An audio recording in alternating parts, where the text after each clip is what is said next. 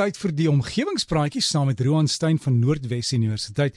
Ek hoop dit gaan goed met jou Roan. Ek is hier in die mooiste uh, Kaap en ek moet sê dis 'n wonderlike dag. Ek hoop jy kan ook een geniet. Ah, goeiemôre Dirk. Ja, ek is skoon jaloers dat jy ek kan sien jy's in in die mooi Kaap en uh en ja, ek is ek is so ek is so bly vir jou daarso.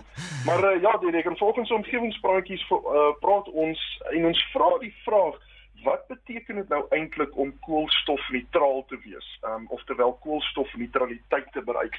En ek dink dit is 'n uh, dis 'n baie belangrike vraag en konsep om te bespreek want uh, baie lande en baie dokumente gebruik hierdie terme en dis is dit belangrik om te weet wat dit beteken in hierdie langtermyndoelwit en uh, en milieu. So, ehm um, nou ons het so ruk terug 'n plasing op ons Facebook bladsy gehad, uh wat gegaan het oor die resolusie wat goedgekeur is by uh IATA se 77ste jaarlikse algemene vergadering. Uh wat daarop neergekom het dat die lugvaartindustrie sal 'n netto nul koolstofemissie bereik teen die jaar 2050. Ehm um, nou IATA is natuurlik International Air Transport Association wat ek nou net bysê. En die vraag is wat beteken dit nou eintlik om 'n netto nul koolstofemissie te handhaaf? Ehm um, en die vraag is veral nou van toepassing terwyl die COP26 konferensie heidaglik plaasvind in Glasgow, Skotland, uh wat die 26ste vergadering is van die Verenigde Nasies se konferensie aangaande klimaatsverandering. Ehm um, en ek het so 'n idee hy hou aan tot en met die 12de November. Nou die COP staan vir Conference of the Parties en word bygewoon deur al die lande wat die Verenigde Nasies se raamwerk op klimaatsverandering geteken het in 1994 al. En uh, een van die klomp besprekingspunte by hierdie konferensie is die sogenaamde idee van koolstofneutraliteit. Nou ehm um, Delike hele aantal lande het uh, vir hulle self doelwitte gestel om teen 2050 'n netto nul koolstofemissie ekonomie te handhaaf.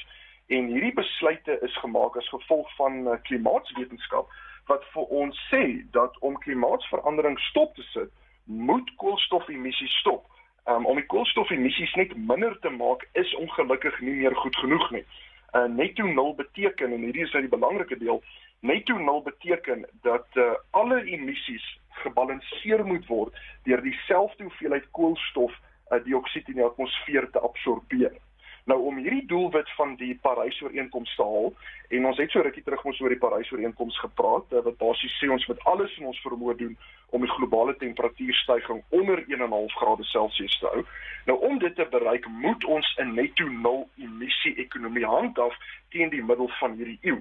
Nou klimaatswetenskap sê vir ons uh, baie duidelik dat daar is 'n ooreenkoms tussen klimaatsverandering en die hoeveelheid koolstofdioksied wat die atmosfeer binnegaan as gevolg van menslike aktiwiteite. En dis maak dit sin dat uh, om die klimaatsverandering te stabiliseer of te wel te stop, moet die koolstofdioksied emissie van die mens na nul toe val. En hoe langer hierdie proses neem, hoe meer sal die klimaat in ons omgewing verander. Nou uh, ek moet nou ook net bysê dat ander kweekhuisgasse moet ook aangespreek word want per definisie is kweekhuisgasse nie goed vir die aarde nie, maar vandag uh, fokus ons nou net op CO2 spesifiek. Nou uh, die volgende vraag wat 'n mens jouself kan afvra, waarom netto nul en nie sommer net blaatant absoluut nul nie? En die antwoord is baie interessant. Baie sektore van ons ekonomie kan in beginsel baie naby aan nul gedruk word. Um, in beginsel bestaan die tegnologie om byvoorbeeld elektrisiteit op te wek met 'n baie lae koolstofdioksied begroting as daar gekyk word na skoner maniere om die krag op te wek soos byvoorbeeld sonkrag, uh, windkrag, krag met seegolwe um, en selfs kernkrag. Um, ons kan selfs uh, vervoermiddels ook verander om 'n baie lae koolstofdioksied begroting te hê. Um, as ons meer en meer elektriese motors gebruik of my persoonlike keuse um, van waterstofmotors gebruik maak. Ehm um, nou ons kan op ander maniere ook elektrisiteit bespaar soos meeste Suid-Afrikaners nou maar weet. Uh, Enigiets wat warm en koud maak gebruik baie elektrisiteit, so ons kan veranderinge daar ook aanbring. Nou, so ons sien dat vinnig dat daar is industrie wat tegnies na nul gedruk toe kan word en daar is op die oomblik 'n baie groot onus op hierdie industrie om dit wel te doen. Egter aan die ander kant is daar ander industrie wat baie moeilik dit baie moeilik gaan vind indien nie onmoontlik nie uh, om na 'n nul koolstof emissie gedruk te word. En hierdie industrie sluit onder andere in die lugvaartindustrie um, en die landbousektor. En wanneer ons na die verantwoordelikheid kyk van hierdie sektore, dan word dit al hoe meer duidelik dat hulle eerder op 'n netto nul model moet werk. Um dit beteken dat daar moet prosesse in plek gestel word um, om die koolstofdioksied uit die atmosfeer uit te haal wat in eerste plek daar ingesit is deur daardie betrokke industrie. Uh, maar daar is ook 'n groter verantwoordelikheid. Die idee is eintlik om nie net uit te haal wat ingesit is nie, maar meer uit te haal um, wat ingesit is want onthou ons sit met 'n klomp koolstofdioksied wat uh, verwyder moet word uh, wat daar geplaas is deur prosesse in die verlede. En hierdie konsep staan nou bekend as negatiewe emissie.